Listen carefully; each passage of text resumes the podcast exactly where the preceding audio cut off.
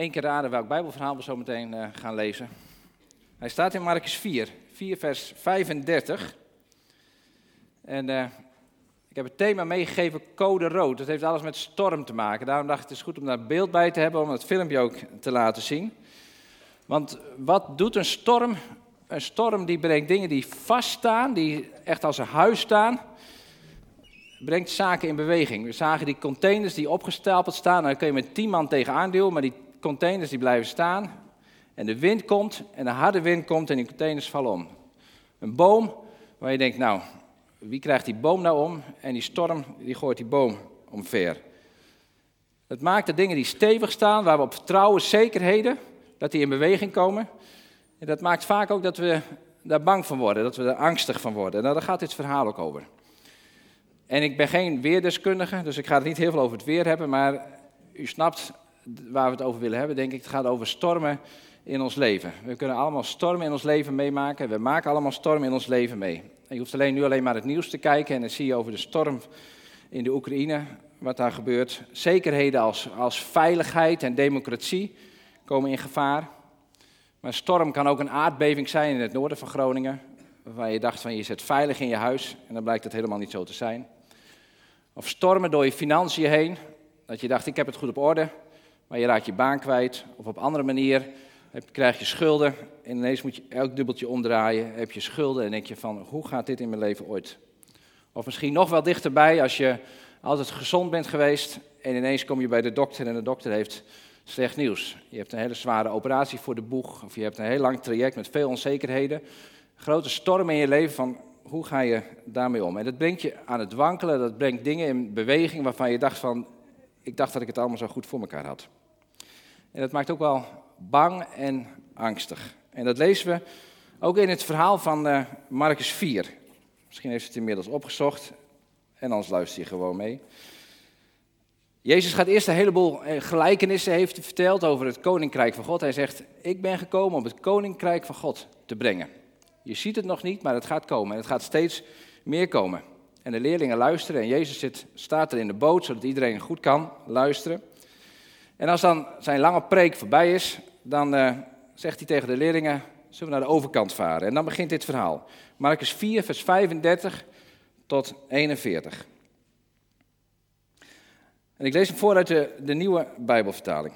Aan het eind van die dag, toen het avond geworden was, zei Jezus tegen hen, laten we het meer oversteken. Ze lieten de menigte achter hen en namen hem mee in de boot waarin hij al zat en voeren samen met de andere boten het meer op. Er stak een hevige storm op en de golven beukten tegen de boot, zodat hij vol water kwam te staan. Maar hij lag achter in de boot op een kussen te slapen. Ze maakten hem wakker en riepen: Meester, kan het u niet schelen dat we vergaan? Toen hij wakker geworden was, sprak hij de wind bestraffend toe en zei tegen het water: Zwijg, wees stil.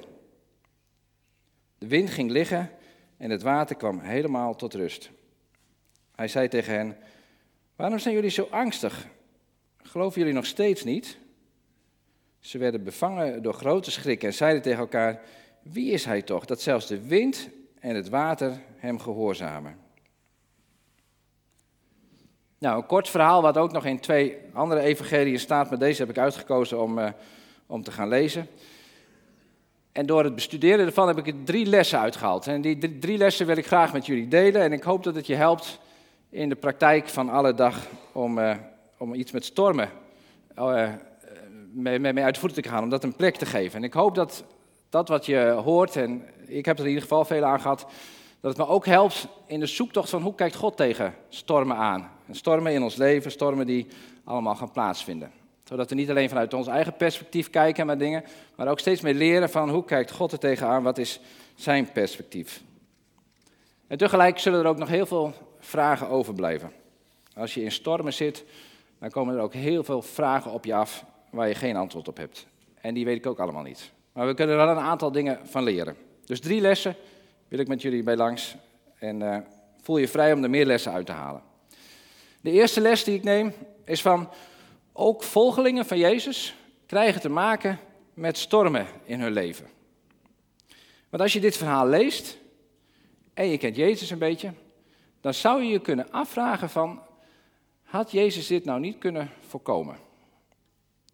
Als je denkt dat Jezus de Zoon van God is, dat hij wel iets heeft met, weet wat er in de toekomst gaat gebeuren, dan zou je kunnen denken, waarom moest hij nou met die leerlingen over het meer naar de overkant? En waarom kwam dan die storm? En als je het goed leest, dan is het zelfs het initiatief van Jezus die zegt van zullen we naar de overkant varen. Hij wist dat die storm eraan zou komen. En toch gaat hij met die leerlingen het meer op. Of je zou kunnen denken, als het dan een beetje windkracht 3, dat kunnen die discipelen nog wel aan. 4 misschien ook nog wel, maar als het dan 5 is, dat hij dan die afspraak met die wind maakt. Als het 5, 5 doen, we, niet vandaag. Want wij gaan naar de overkant en geen gerotzooi. Dat had hij kunnen doen, maar dat deed hij niet. Dat gebeurde niet. Had Jezus de storm kunnen tegenhouden? Ik denk het wel, maar hij deed het niet. En misschien bewust of onbewust denken we als volgelingen van Jezus dat die stormen in ons leven wel een beetje zullen meevallen. Want Jezus is toch bij ons. We volgen toch Jezus en we gaan trouw naar de kerk en we lezen misschien ook wel trouw de Bijbel en we geloven dat Hij er is. Dat Hij ons dan wel bewaart voor stormen in ons leven. Een beetje zoals van die VIP-mensen, die van die bodyguards om hen heen, die hun beschermen tegen allerlei sores en mensen die moeilijk gaan doen. Dat Jezus een soort bodyguard van ons is. Wij kunnen door het leven, want er overkomt ons helemaal niks. En dat is niet waar. Dus hier in dit verhaal, Jezus stelt voor om met zijn discipelen het meer over te gaan en het gaat heel hard stormen. Het evangelie waarin wij geloven is niet een soort welvaartsevangelie. Als we maar hard geloven dat het ons allemaal goed zal gaan en dat ons niks zal overkomen. Ik moest in dit verband ook even denken aan Jan Zijlstra, ik denk dat u hem wel kent, heeft in zijn leven heel veel gebedsgenezing gedaan. Heel veel mensen zijn genezen, bijzondere man. En hij is zelf overleden aan corona. Dan zou je toch denken, dat kan hij toch ook doen of zo? Nee, nee. Het is allemaal geen garantie. Hoe je gelooft, hoe hard je gelooft. Stormen komen in ons leven. En voor je het weet is het code rood in je leven en dan kan er zomaar wat gebeuren. We zien het nu in de Oekraïne. Jarenlang dachten we, het valt misschien iets mee. Maar de afgelopen weken is het gaan escaleren en zie daar. Een heleboel gedoe, een heleboel onzekerheden brengt, met, met, brengt dat met zich mee. Dat is ver weg, maar dat kan natuurlijk ook in onze eigen kerk zijn. Een storm in onze eigen kerk. Je hoeft alleen maar te denken over de afgelopen twee jaar. Heel veel kerken zijn door de storm gegaan omdat er een groot verschil was van hoe moet je met corona omgaan, hoe moet je met de coronapas omgaan. Een wig in de gemeente, gemeenteleden boos op elkaar op allerlei verschillende dingen. Voor je het weet heb je gedonder in een kerk. En ik dacht, het is heel mooi dat er nieuwe mensen lid worden, maar als je denkt, je komt in deze kerk en hier is nooit gedoe, of dat je uit een kerk weggaat omdat je denkt, daar is gedoe, ik ga nou hier. Ik, volgens mij is er nu nog geen gedoe, laten we dat zo houden. Maar het kan zomaar komen. En Jezus behoedt ons daar niet voor. Hij wil ons wel helpen om er doorheen te komen, daar gaan die volgende lessen over. Maar helaas, het is niet een evangelie waar het ons allemaal voor de wind gaat. Dus dat is les 1. Stormen komen in je leven. Als je ze nog niet gehad hebt, wees blij, maar het kan zomaar komen. En zo stappen Jezus en de leerlingen stappen aan boord. En uh, ik las nu net, het viel me nu pas op, Jezus ging in die, hij stapte niet uit die boot, want hij was al in die boot. En vanuit die prediking ging hij zo met zijn leerlingen het meer op. En dan komen er donkere wolken aan. Eerst misschien was het zonnetje zoals nu. Dikke wolken. En misschien ging het ook wel heel hard regenen. Dat staat er niet bij, maar dat stel ik me zo voor met zo'n storm. En dan wordt het ineens wel heel erg spannend. En de leerlingen vinden het ineens ook wel heel spannend. En dan komen we bij de tweede les uit. Dat Jezus laat zien dat er maar één is die echt heerst in deze wereld. Want die storm die komt en die wind die neemt toe. En het water gaat over de rand van de boot. En er komt een heleboel water in die boot. En ik denk, nou die leerlingen van Jezus, we zeggen wel leerlingen, maar er waren een heel groot deel, waren er vissers van. Dus die waren echt wel wat, wat gewend. Het waren niet van die computernerds of zo, die een keer in een boot en een beetje bang waren. Maar het waren echt wel kanjers die wisten wat ze, wat ze doen moesten. Er was echt wel wat wind gewend waarschijnlijk. Een beetje mannen, probeer daar een beetje een beeld bij te krijgen. Mannen met baarden die gewend zijn om dan te varen op de zee. Zo. Nico dacht ik dan, een man met baard en die vaart ook de zee. Ben je wel eens bang geweest in een storm? Nee, nou, uh, Nico heeft daar geen last van. Maar als wij... Je zou ja zeggen. Maar, uh, de meeste mensen krijgen dan wel een beetje benauwd. Nou, die leerlingen kregen het ook echt wel benauwd. En daarna gaan ze naar Jezus toe en zeggen: Jezus, help ons. Kan het u dan niks schelen dat we vergaan? Ze zijn boos op Jezus. En dan staat Jezus op en hij laat zijn macht zien. Hij zegt, storm, zwijg, wees stil. En dat probeer ik me ook een beetje voor te stellen. En als het dan zo hard waait, zoals een paar weken geleden, dan sta je daar buiten op zijn plein en het waait heel hard en het stormt. En dan staat Jezus daar en je kan hem bijna niet horen zeggen, zwijg, wees stil. Zou je dat voorstellen in zo'n storm, als je hier in het centrum van Drachten bent en er staat iemand die staat te roepen, zwijg, wees stil. Dan denk je van, wat voor kerk komt die of zo? Maar Jezus deed het en het werd stil. Het werd heel stil, wat staat er? De wind ging liggen en het water werd helemaal rustig. Met zoveel gezag spreekt Jezus en hij is de Heer van de schepping.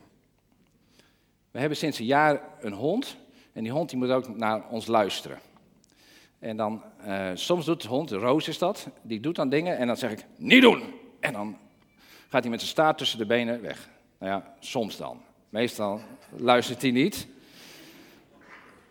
Maar als Jezus iets zegt, als Jezus zegt van, zo moet het, zo gaat het, wind, wees stil, dan is het stil. Want hij is de schepper van hemel en aarde. En ergens anders staat in de Bijbel, hij is de Heere der Heren en hij is de koning der koningen. En als je dan in een storm zit van je leven, hoe die storm er ook maar uit mag zijn, zien, dan, mogen we, dan vind ik dat een hele troost. Dat hij de koning der koningen is, de Heere der Heren. En zeker nu we in die storm zitten van Europa, van Oekraïne, dan geeft me dat rust, dat ik weet van hij is de koning en hij heeft de wereld in zijn macht. We hebben, de hele wereldgeschiedenis hebben we allemaal van dit soort grootheden, en dat zijn allemaal van die mannen geweest, van die grote mannetjes die denken van wij moeten even geschiedenis schrijven. De farao's waren er, Nebukadnezar had, had, had heel veel, keizer Nero, Hitler, ik noem maar wat namen en zo zijn er nog meer. En nu is Poetin die schreeuwt en die roept, die wil allerlei dingen. En die wil geschiedenis schrijven op zijn manier. Maar de koning der koningen die was er vanaf het begin al bij. In den beginnen was hij daar. En straks, wanneer er geen zon en geen maan meer nodig zijn, dan is hij daar ook.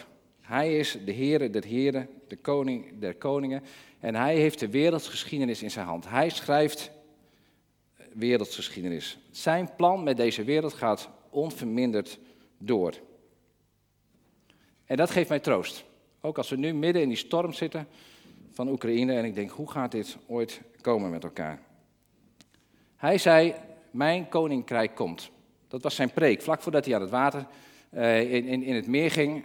En het koninkrijk van God komt eraan. Want dat is Gods plan. En hij voert zijn plan uit. Hij zei tegen de leerlingen, laten we oversteken naar de overkant. En de leerlingen kwamen aan de overkant. Wat hij zegt, dat gebeurt.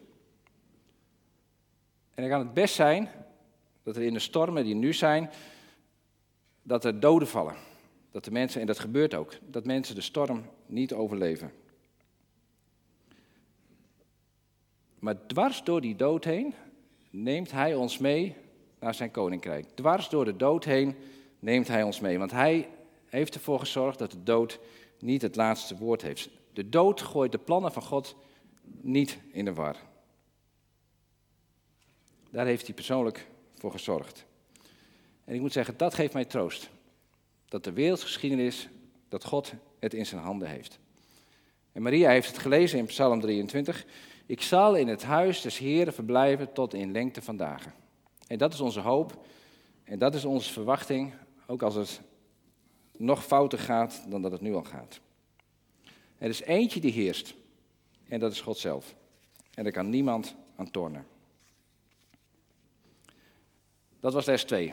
Dan zou je kunnen denken, dat is hoop, hoop voor de toekomst en dat is mooi. Dat is goed. Het is goed om te weten van wat er ook gebeurt, we zullen bij hem zijn. Altijd. Dus nog een derde les, en die derde les heb ik gezegd, midden in de storm wil God ons zijn vrede en zijn rust geven. En ik neem jullie nog even mee in dat verhaal naar die storm. We zitten nog even midden in die storm. En dan tijdens die storm, dan zijn de leerlingen die zijn druk bezig om hun deskundigheid, die vissers zou ik gaan zeggen, die vissers zijn druk bezig om hun deskundigheid aan de dag te leggen. Want er komt storm, dus dan moet je de touwen aantrekken en dan moet je hozen en je moet allerlei dingen doen. Ze zijn er heel druk mee bezig. En het lijkt wel of ze zo druk bezig zijn dat ze Jezus uit beeld zijn geraakt. Dat ze Jezus vergeten zijn. Zo druk zijn ze bezig om de situatie te redden. En dan maken ze Jezus wakker. En toen ik daar wat langer over nadacht, dacht ik van, wie sliep er eigenlijk? Je zou ook kunnen zeggen dat de leerlingen in zekere zin sliepen, omdat ze Jezus niet in beeld hadden. Ze hadden het zo druk bezig met een ding om de zaak op te lossen dat ze Jezus vergeten waren. Want waar was Jezus in de storm? Hij was aan boord. Hij was vlakbij. En wat deed Jezus in de storm? Hij sliep. Hij was rustig. Nou, ook daar zit je natuurlijk in zo'n preek over na te denken. Ik denk dat is echt een extra wondertje wat je meekrijgt in dit verhaal. Want hoe moet je ooit slapen in zo'n bootje? Heb je dat wel eens voorgesteld? Je kent van, zo'n, van de kinderdienst misschien wel plaatjes van zo'n bootje. En dan die storm die gaat echt op en neer. Hoe kun je ooit slapen? Ik weet niet hoe het was. Maar ik denk dat Jezus daar ons mee iets duidelijk wil maken. Dat hij rustig was in de storm. En ik denk echt wel dat hij af en toe even zijn oog open deed en dacht, zo, die hebben het wel heel druk. Zouden ze ook nog denken dat ik aan boord ben? Ik weet het niet, staat er niet. Dus uh, moet ik een beetje oppassen. En Jezus bestraft dan de wind en dan wordt het stil. En dan zegt Jezus tegen zijn leerlingen, jullie zijn leerlingen, dus het is goed om de cirkel van het leren af te maken en even te reflecteren op wat we nu met elkaar hebben meegemaakt. En dan zegt hij, waarom zijn jullie zo angstig? Geloven jullie nou nog steeds niet? Dat zijn de vragen die Jezus in de reflectie tegen zijn leerlingen zegt. Geloven jullie nou nog steeds niet? Dat staat in de nieuwe vertaling, maar in de andere vertaling staat: waarom is jullie geloof zo klein? Waarom is jullie geloof zo klein? Dus Jezus doet een, een appel op zijn leerlingen. Als je nou weer eens in een storm komt, denk dan aan je geloof en probeer een groter geloof te hebben. Geloof, probeer meer op mij te vertrouwen. Want wat gebeurde er met die leerlingen? Ze waren druk bezig, ze keken naar het water en het water liep over de rand. En ze werden bang. Ze werden angstig, staat er. En dat zou ik ook worden, zeker weten. En daarom is die les ook voor mij en misschien ook wel voor jou. Ze werden bang. Ze keken op de situatie, ze keken wat daar gebeurde. En die angst die ging hun te pakken nemen. Die angst die had hen te pakken. De angst werd de heer van hun leven. Niet Jezus was meer de Heer in hun leven, maar de angst, de situatie ging regeren in hun leven. En dat merk je ook aan de reactie die ze hebben naar Jezus toe. Ze worden boos op Jezus. Wint u dan niet? Snapt u nog niet dat we vergaan? En natuurlijk is die reactie te begrijpen, maar de angst heeft het gewonnen van de vrede van Jezus. En zo mogen wij ook reflecteren op de stormen die er in jou en in mijn leven zijn dat het gevaar daar ligt dat die storm in ons leven, en of dat nou Oekraïne is, je gezondheid, je financiën, of wat voor storm je ook in je leven mag, gaat meemaken, dat die storm overslaat in de storm in ons hart, in ons ziel, in ons leven, op ons gemoed. Dat we slapeloze nachten krijgen van die angst die we in ons leven hebben. Nou, één ding is zeker, Jezus had geen last van slapeloze nachten, midden in die storm. En daar mogen we van leren, van de rust die Hij heeft die mogen wij hebben.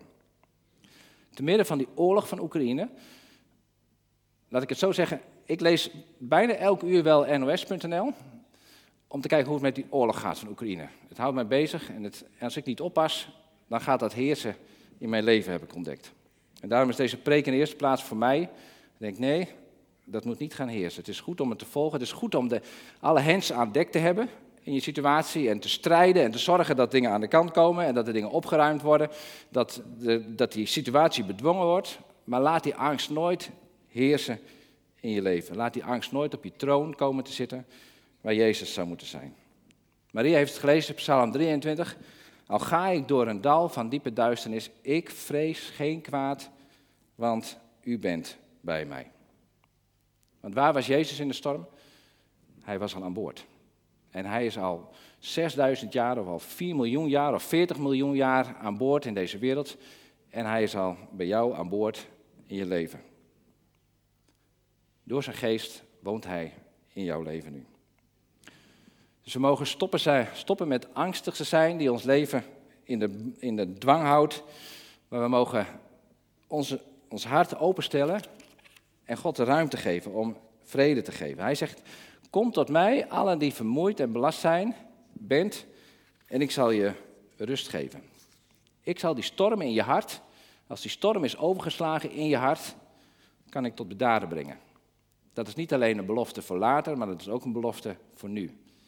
En ik merk het zelf, als ik stormen zit in mijn leven en ik vergeet om tijd te nemen om bij God te komen, dan word ik onrustig. Maar zodra ik tijd neem om stil te worden en mijn hart te openen voor Gods geest weer, dan word ik rustig van binnen. En dan kan ik vanuit die rust weer de alle hens aan dek hebben en dan kan ik weer de dingen aanpakken. Maar vanuit die rust die Hij ons geeft. En die rust, die wens ik jou toe.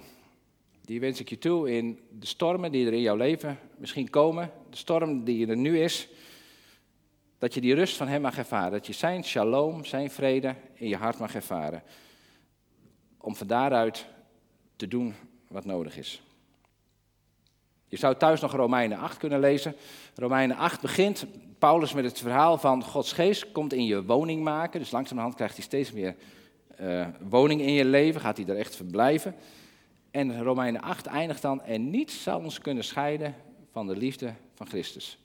Nog honger, nog vervolging, nog het zwaard of wat ook. Niets kan ons scheiden van de liefde van Christus. Want die zit met zijn geest in ons. En hij heeft gezegd, ik breng jullie naar de overkant. En hij komt daar. En zijn koninkrijk komt. Wat iedereen ook roept, zijn koninkrijk komt. En we zullen eens met hem daar zijn. En dat is de troost die we met elkaar mogen hebben. Nou, dat waren de drie punten die ik met jullie mee wil geven.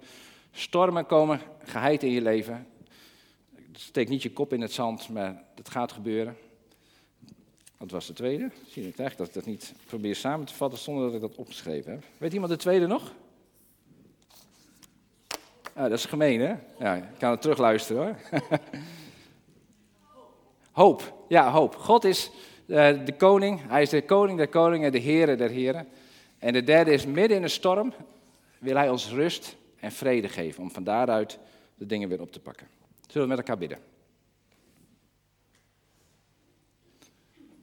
Heer, dank u wel dat, dat u de koning der koningen bent.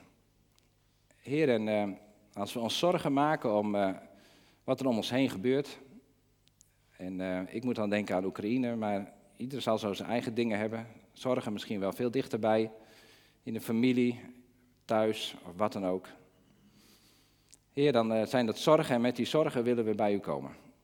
Heer, omdat we tegen u willen zeggen van, we willen niet dat ze gaan heersen in ons leven, maar dat u heerst in ons leven. Dat u uw vrede en uw shalom in ons leven gaat geven. Heer, wilt u ons dat geloof geven? Want ons geloof is vaak zo klein en we zijn vaak zo angstig. Wilt u ons uw vrede en uw rust geven in iedere situatie waar we mogen zijn? Heer, en dat bidden we voor elkaar, maar dat bidden we ook zo juist voor mensen die in die stormen zitten. In Oekraïne, in Polen, mensen die, die zo bang zijn, uh, mensen in Rusland, grote leiders die misschien uit grote angst en grote onrust juist deze besluiten nemen. Heer, we bidden om uw vrede, om uw shalom in deze wereld. In Jezus' naam. Amen.